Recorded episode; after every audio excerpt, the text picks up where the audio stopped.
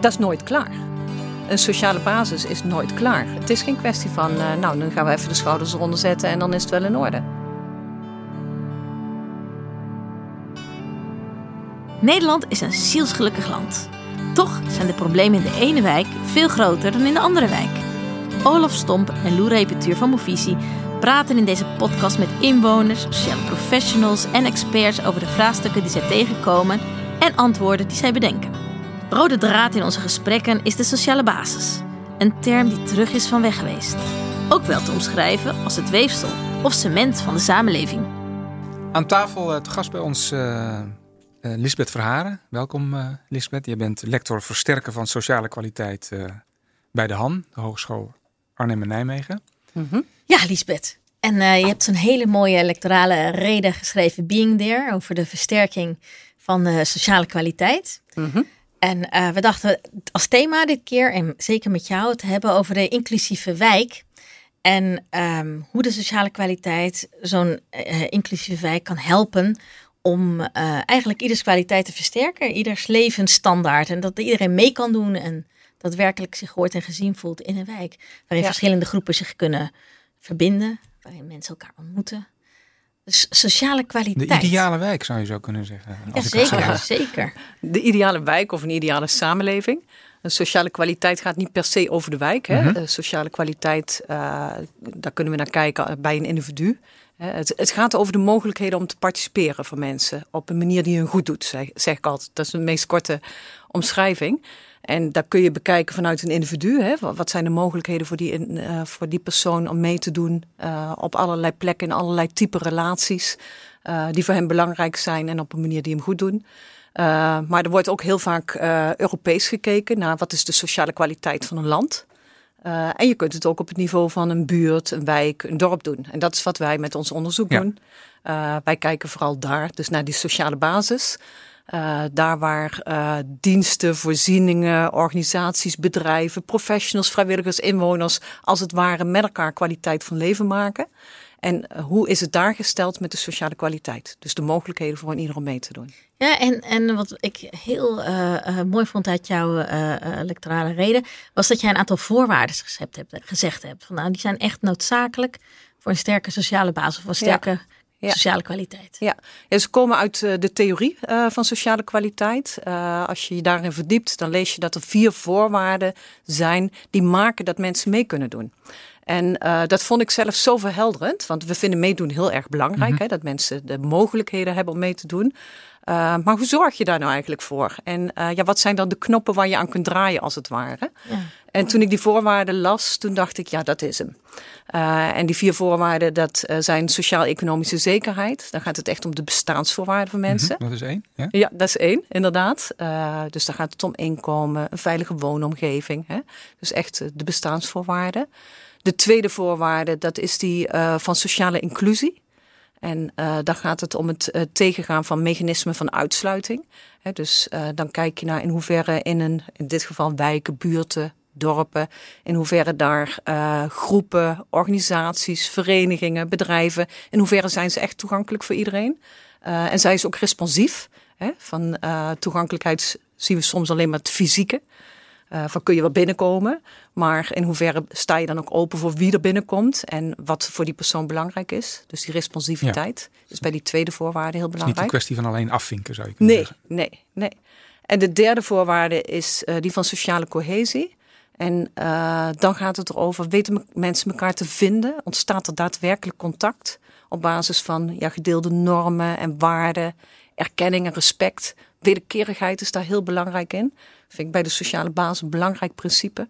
En dus niet kijken naar uh, uh, wat kunnen mensen halen in de sociale basis, maar hoe willen mensen van betekenis zijn voor die sociale basis. En de vierde voorwaarde is die van sociale empowerment. Dat mensen uh, ja, de mogelijkheden hebben tot zelfbeschikking, persoonlijke ontwikkeling, maar dan wel ondersteund door een sociale omgeving door sociale relatiesystemen, waarin het mogelijk is om jezelf te ontwikkelen en om uh, jezelf verder ja, te versterken. En je, hebt ze alle vier nodig. Dus ook niet zozeer dat er een volgorde is, of nee. dat je zegt uh, de, nummer vier is het belangrijkste, of nee. nummer één. En ze staan ook nodig. nog in wisselwerking met elkaar. Maar het leuke vind ik, want nu is het een mooie theorie en prachtig, niemand kan hier tegen zijn, maar jullie brengen hem eigenlijk ook in praktijk. Ja, dat en klopt. zoals een heumen. Ja, Ja. Vertel daar eens over. Ja, ehm, aan mijn lectoraat is de werkplaats Sociaal Domein uh, Nijmegen verbonden. En wij zitten niet alleen in Nijmegen met die uh, werkplaats Sociaal Domein, maar een heleboel gemeenten in onze regio. Waaronder in Heumen, daar werken we al uh, jarenlang mee samen. En uh, Heume heeft ons een aantal jaren terug gevraagd om mee te denken, mee te kijken. Wat kunnen we hier doen rondom de sociale kwestie eenzaamheid? En dat is heel vaak zo, hè, dat vragen zich voordoen rondom eenzaamheid, armoede, Rondom integratie van sta- ja, sociale kwesties noem ik dat altijd. Mm -hmm. En um, nou, als je naar uh, eenzaamheid gaat kijken, ja, wij starten altijd. Ik zeg als je iets wilt doen in een sociale basis, begin met goed luisteren en goed kijken de, de, echte verhalen van de mensen zelf. Uh, hè? Hele rijke verhalen over hun ervaringen met En wie eenzaamheid. zijn dan de luisteraars? Uh, in dit geval heel veel mensen. Want wat ze in Heumen zo ontzettend mooi doen. Uh, dat, daar is een hele sterke samenwerking, vind ik, tussen de gemeente, tussen formele professionele organisaties en verenigingen, vrijwilligersorganisaties. En die bepalen jaarlijks met elkaar, ze hebben jaarlijks een conferentie met elkaar om te bepalen wat doet er toe in onze gemeente en waar willen we op inzetten. En wie verbindt zich daaraan? En er ontstaan dan werkgroepen uit en stuurgroepen uit. En dat zit echt gewoon goed doortimmerd in elkaar. En uh, daar is dus ook een stuurgroep eenzaamheid. En daar zitten uh, de zorgorganisaties in, uh, daar zit de KBO in, de Zonnebloem zit daarin. Wat is KBO? Welzijn, Katholieke Bond voor Ouderen. Oh, ja, ja, ja, ja. En uh, nou, ook welzijnsorganisaties. De gemeente zelf uh, is daar ook partij in. En toen hebben ze gevraagd aan ons om daaraan mee te doen. Mee te kijken, mee te doen met onze onderzoekers, met docenten en met studenten. En uh, vervolgens zijn we verhalen op gaan halen van inwoners uh, over uh, ervaringen met eenzaamheid, over ervaringen met betekenisvol contact of het ontbreken daarvan. En op basis van die verhalen zijn we met de werkgroep, met al die verschillende partijen, naar die verhalen gaan kijken. En zijn we gaan kijken, en zo hebben we sociale kwaliteit gebruikt, die vier voorwaarden. Als je nou naar die verhalen kijkt, uh, wat kom je daar dan in tegen over sociaal-economische zekerheid, mm -hmm. sociale inclusie, sociale cohesie, sociale empowerment? En waar zitten dan de aangrijpingspunten? En dat werkt fantastisch. En wat zijn jullie daar tegengekomen? Ja, uh, nou bijvoorbeeld uh, dat als je uh, kijkt naar eenzaamheid, dat ervaringen met armoede daar ook een rol in spelen. dus dat het weinig hebben van geld betekent heel veel in het leven van mensen. Hè? Uh, dat betekent uh, uh, heel vaak gevoelens van schaamte. dus minder makkelijk naar buiten komen met wie je bent, wat je leefomstandigheden zijn. Maar het betekent ook minder makkelijk mee kunnen doen. We denken soms, en dat hoor ik heel vaak in, ja, van allerlei professionals die zeggen: kost maar 2 euro, dat is toch niks? Ja, als je genoeg geld hebt, mm -hmm. is dat niks. Maar als je rond moet komen van uh, uh, 50 euro, uh, dan is 2 euro wel een substantieel bedrag. Dus we hebben bijvoorbeeld dingen gedaan op het gebied van sociaal-economische zekerheid, mm -hmm. terwijl het ging over eenzaamheid. Mm. Nou, dat vind, dat vind ik dan heel interessant. En, maar mag ik heel ja. even advocaat van de duivel spelen? Want ik denk, goh, ja. jij zei de link met armoede en eenzaamheid. Ik bedoel, zonder een onderzoek te doen, het is zo'n logische link. Als je arm bent, dan kun je minder met de bus, dan kun je minder ja. mensen uitnodigen, dan kun je ja. minder dingen doen. Ik bedoel, waarom hebben we daar blijkbaar uh, uh, nodig dat we de verhalen van burgers letterlijk te horen krijgen om dit te bedenken? Nou, de, uh, heel veel dingen weten we ook al wel, maar hoe het zich daarvoor doet, dat weten we vaak niet. En bijvoorbeeld in heel vaak als er over eenzaamheid wordt gesproken, wordt er gedacht aan oudere mensen. Eenzaamheid onder oudere mensen doet zich voor. Uh, maar in Heumen zijn we uh, al werkende, want het is ook niet dat we een heel uitgekristalliseerd plan hebben. Wat gaan we allemaal doen? Al werkende ontdek je steeds meer. Zien we van het gaat over hele andere groepen ook. We hebben gesproken met mantelzorgers. We hebben gesproken met mensen met een uh, psychiatrische kwetsbaarheid. We hebben gesproken met jonge statushouders, met mensen met een verstandelijke beperking. Nou, en als je met dan verschillende mensen in gesprek gaat, krijg je steeds meer grip op hoe doet het zich hier precies voor. Ja, dus de duiding. Ja. ja die link kun je ja. wel leggen, die kun je eigenlijk voor heel Nederland Tuurlijk. wel leggen. Maar hoe die duiding precies voor die regio eruit ziet, daar heb je gewoon de verhalen en de ervaringen de van de mensen nodig. Wat we daar bijvoorbeeld in gedaan hebben, want het is, het is vaak wat ingewikkeld om bij de goede verhalen te komen. Voor je het weet zitten altijd dezelfde mensen om de tafel. Dus, uh, en dat zijn belangrijke sleutelfiguren, degene ja, die hoe je voorkom kent. je dat? Ja, nou wat we toen hebben gedaan is dat we tegen de mensen die we altijd al in beeld hebben, hebben gezegd: Kijk jij nou eens in je eigen woonomgeving wie je mee zou willen, willen nemen, wiens verhaal verteld zou moeten worden. En toen zijn die als duo gekomen. Hè, uh, als support. Leuk, want toen kwamen er allemaal mensen aan tafel die ja. dat nooit uit zichzelf gedaan zouden hebben. Als je een oproepje plaatst of wat dan ook. Nee, gaat niet over mij. Maar ik ga wel met mijn buurman mee. Dus die zegt dat, uh, dat we dat toch maar samen moeten doen. Nou, toen kregen we prachtige verhalen. En toen ging het heel breed over leven in Heumen. En dat was omdat de gemeente wilde weten van nou, weer eens een keer wat breder in gesprek over wat speelt er allemaal, wat doet er toe, uh, uh, ja, waar moeten we op in gaan zetten. Dus versterken, ja. want die sociale basis aan de hand van de sociale kwaliteit is echt een proces. Wat je niet even kunt doen. Uh, het is iets wat je altijd doet en blijft doen en moet blijven doen. Een sterke sociale basis is niet iets wat je een keer ergens neerzet en dan hebben we hem of zo. He, want het gaat over interacties tussen mensen. Het gaat over processen. Ja. En wat kan, kunnen andere gemeenten leren van, van, van Heumen en de werkwijze? Wat ze kunnen leren is, uh, uh, wat zij dus niet doen, is zeggen: we gaan uh, nu inzetten op de sociale basis, doen we een jaartje en klaar. En ze hebben gewoon echt een manier van werken waarin ieder jaar een werkconferentie is waarin al die partijen zijn, uh, waar je met elkaar de balans op maakt. Een half jaar later is die er nog een keer. En dan ga je kijken hoe ver staan we. Daar worden ook concrete afspraken gemaakt. En dat is eigenlijk investeren in de sociale basis op een hele duurzame manier. Gaat het uiteindelijk dan vanzelf? Uh, het gaat sowieso niet vanzelf. Uh, dus ook hier zit wel een stuurgroepje op. Ik weet niet precies hoe ze het noemen hoor. Maar mensen die ermee voorbereiden. En uh, kijken van hoe moet het gaan lopen? Hoe zorg je ervoor dat ook iedereen echt aan het woord kan zijn? Want dat is altijd ingewikkeld bij dit soort sessies. Hè? Voor je het weet heb je een paar uh, praatjesmakers, om het zo maar te zeggen. En andere uh, ja, ideeën niet, worden niet gehoord. Ja, dus je moet altijd heel goed nadenken over hoe je dit soort dingen organiseert en vormgeeft. Ja. Om het ook echt... Uh, want we hebben het over een inclusieve wijk. Maar bij dat soort bijeenkomsten gaat het ook over hoe inclusief zijn die eigenlijk. Mhm. Zitten daar de goede Ah, je, mensen? Je, je noemt al een aantal dingen waarvan je zegt, nou, de rest van Nederland kan eigenlijk van Heumen wel leren. Eén, lange adem hebben. Mhm. Hè, met name van het ambtelijk en bestuurlijk apparaat. Mhm. Niet vooraf een, een vastgesteld plan, maar willen luisteren naar de inwoner. Mhm. Een sterk netwerk, dus uh, uh, zowel het formele uh, deel van professionals, zorgprofessionals, politie waarschijnlijk ook, Mhm. tot en met het informele deel van de inwoners, de bu buurtactiviteiten. Um, en ze ook ruimte geven om ze mee te laten beslissen, meedenken en mee laten doen. Ja. Op al die niveaus. Ja. Wat maakt Heumen zo bijzonder? Ja. Ja. Naast deze dingen die we allemaal genoemd hebben, zijn er andere. Nou, het, het, het zit hem al even op die duurzaamheid. Hè? Uh, als ik jou hoor Mhm. zeggen lange adem hebben, dan denk ik al, goh, is dat hem? Uh, want een lange adem hebben veronderstelt, uh, we gaan iets doen, het gaat lang duren, maar dan komt het goed en is het klaar. Mhm. Nee, dit is dus nooit klaar. Uh, Heumen investeert duurzaam in kwaliteit van leven voor iedereen en sociale kwaliteit. Door uh, gewoon structureel uh, dit als principe te hebben. dat we met elkaar twee keer per jaar bij elkaar komen om te zien wat staat ons hier te doen. En dat is nooit klaar. Een sociale basis is nooit klaar. Het is geen kwestie van, uh, nou, dan gaan we even de schouders eronder zetten en dan is het wel in orde. En Lisbeth, denk jij dat het makkelijker te organiseren is in een gebied als Heumen, waarin, nou ja, waarschijnlijk is het een gebied onder de 50.000 inwoners? Je zult het op een andere schaal doen, denk ik. Maar wij hebben bijvoorbeeld uh, nog niet zo lang geleden ook een uh, wijkatelier in een van de wijken van Nijmegen geëvalueerd.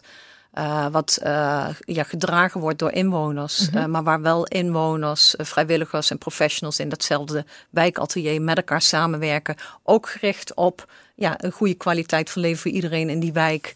En hebben we ook geëvalueerd aan de hand van de voorwaarden van sociale kwaliteit. Ja, dan gebeurt het ook, en, maar dan op een wijkniveau. En, en hoe ja. zorg je dat iets, iets gedragen wordt hè, in, in, ja. in, een wijk? Dat, dat... Daar komt die lange adem wel bij te pas, denk ik. Ehm, ja, wat we vaak zien is, uh, we willen het even gefixt hebben. Als je het hebt over dat luisteren en dat kijken, hè, uh, dat gaat niet alleen maar over luisteren en kijken naar verhalen van inwoners, maar ook luisteren uh, en kijken naar wie zijn je partners in dit proces waarin je samenwerkt. En wat ik vaak in samenwerken zie is dat wel gezegd wordt, we willen samenwerken, maar dan gaan we het even nou, gauw Kun je regelen. een onderwerp noemen waar, waar, waar, waar het betrekking op heeft? Dat maakt het wat Ehm, makkelijker te begrijpen. Nou ja, als ik maar weer het even om uh, dicht bij het onderwerp te blijven, eenzaamheid neem. Uh, ik ben ook in andere gemeentes of in andere wijken dat ik wel vaker word uitgenodigd. Of Mijke Heesels, hè, dat is onze onderzoeker op het thema eenzaamheid. Uh, dat we daaruit worden genodigd en dan zitten daar een aantal mensen bij elkaar en die zeggen wij willen eenzaamheid aanpakken. En nou, dan gaan we eens even kijken wat gaan we doen. We zitten heel snel in het doen. Uh, en dan afspraken maken. Nou, als jij, uh, wordt er ook gezegd, nou, misschien kunnen inwoners dan andere mensen meenemen, want vervoer is een probleem. En dan gaan we hier een koffieochtend organiseren en heel snel in de het intenties doen. zijn goed. Intenties zijn goed, ja, super gemotiveerd vaak. Uh, maar de tijd nemen om elkaar te leren kennen. Om te ontdekken van waarom hou je je überhaupt hiermee bezig? Waarom vind je dit zo belangrijk? Wat zijn je eigen ervaringen eigenlijk met eenzaamheid?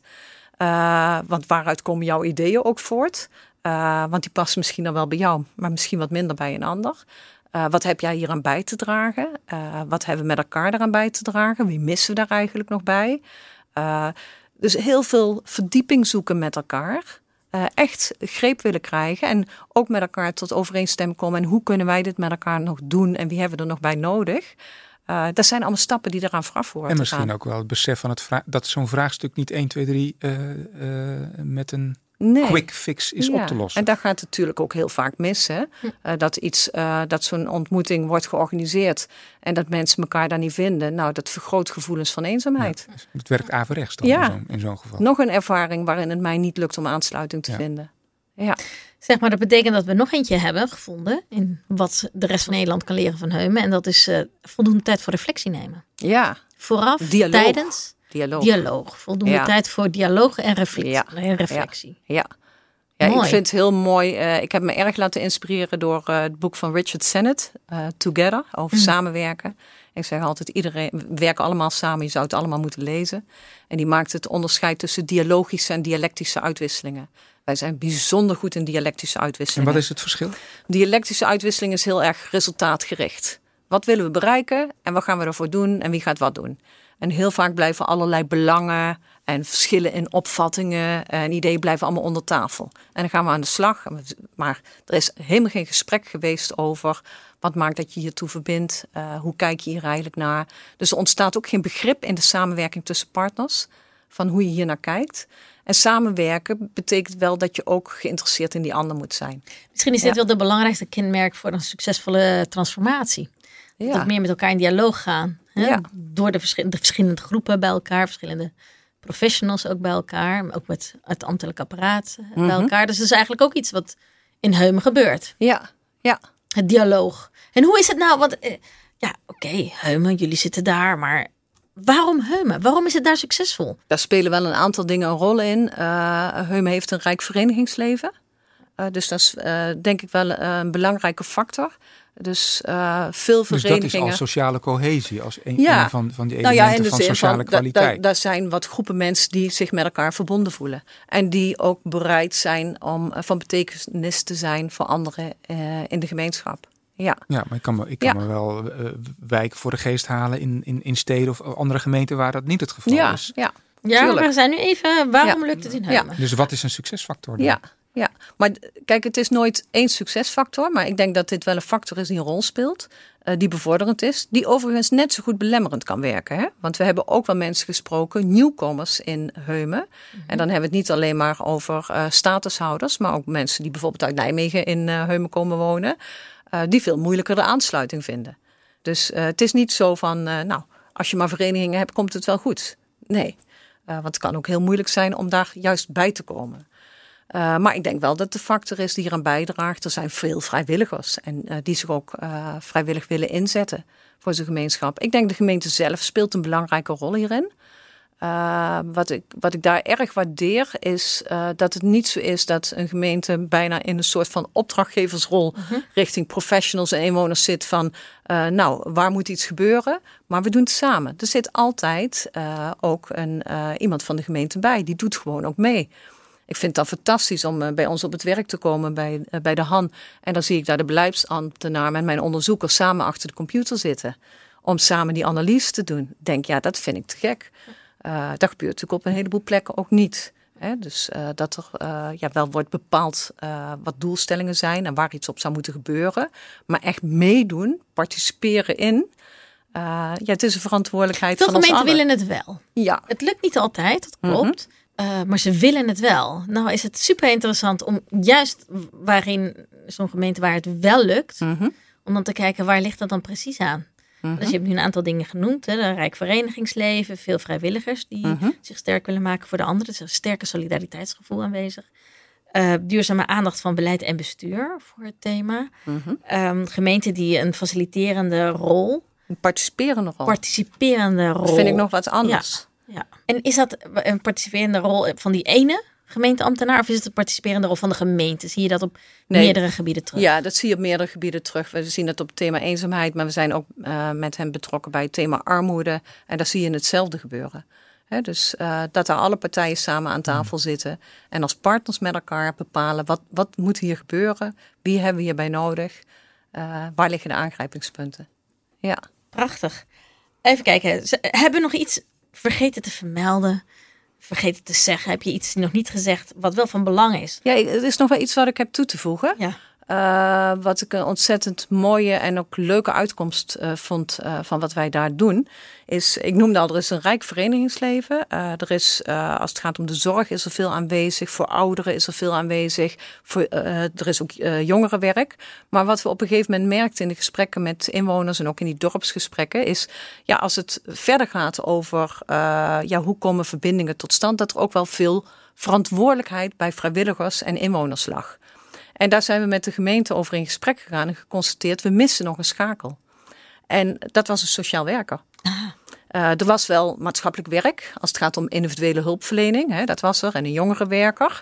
Maar uh, als je zoveel mensen in een gemeente hebt die signaleren, uh, die iets van betekenis willen zijn, maar die dan ook vaak ontdekken, ik weet helemaal niet hoe ik dat aan moet pakken. Waar moet ik eigenlijk zijn? Hoe begin ik hiermee? Uh, en uh, daar hebben we met de gemeente over gesproken. Van uh, dit is wat wij zien op basis van ons onderzoek. Jullie missen een schakel.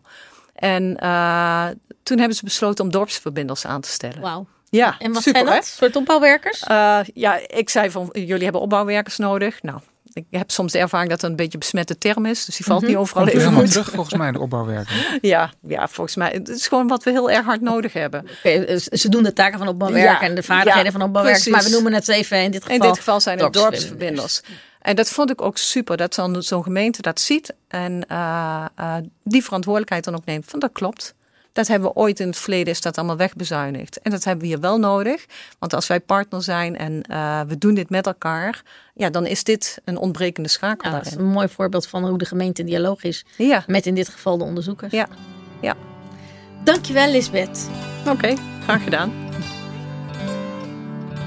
Leuk dat je hebt geluisterd naar deze podcast van Movisie. Wil je meer horen? Ga dan naar iTunes, Soundcloud of Spotify. Als je meer wil weten over dit onderwerp, kijk dan op movisie.nl slash versterk-sociale-basis. Heb je suggesties of een vraag? Stuur dan een bericht via social media van Movisie met hashtag sociale basis.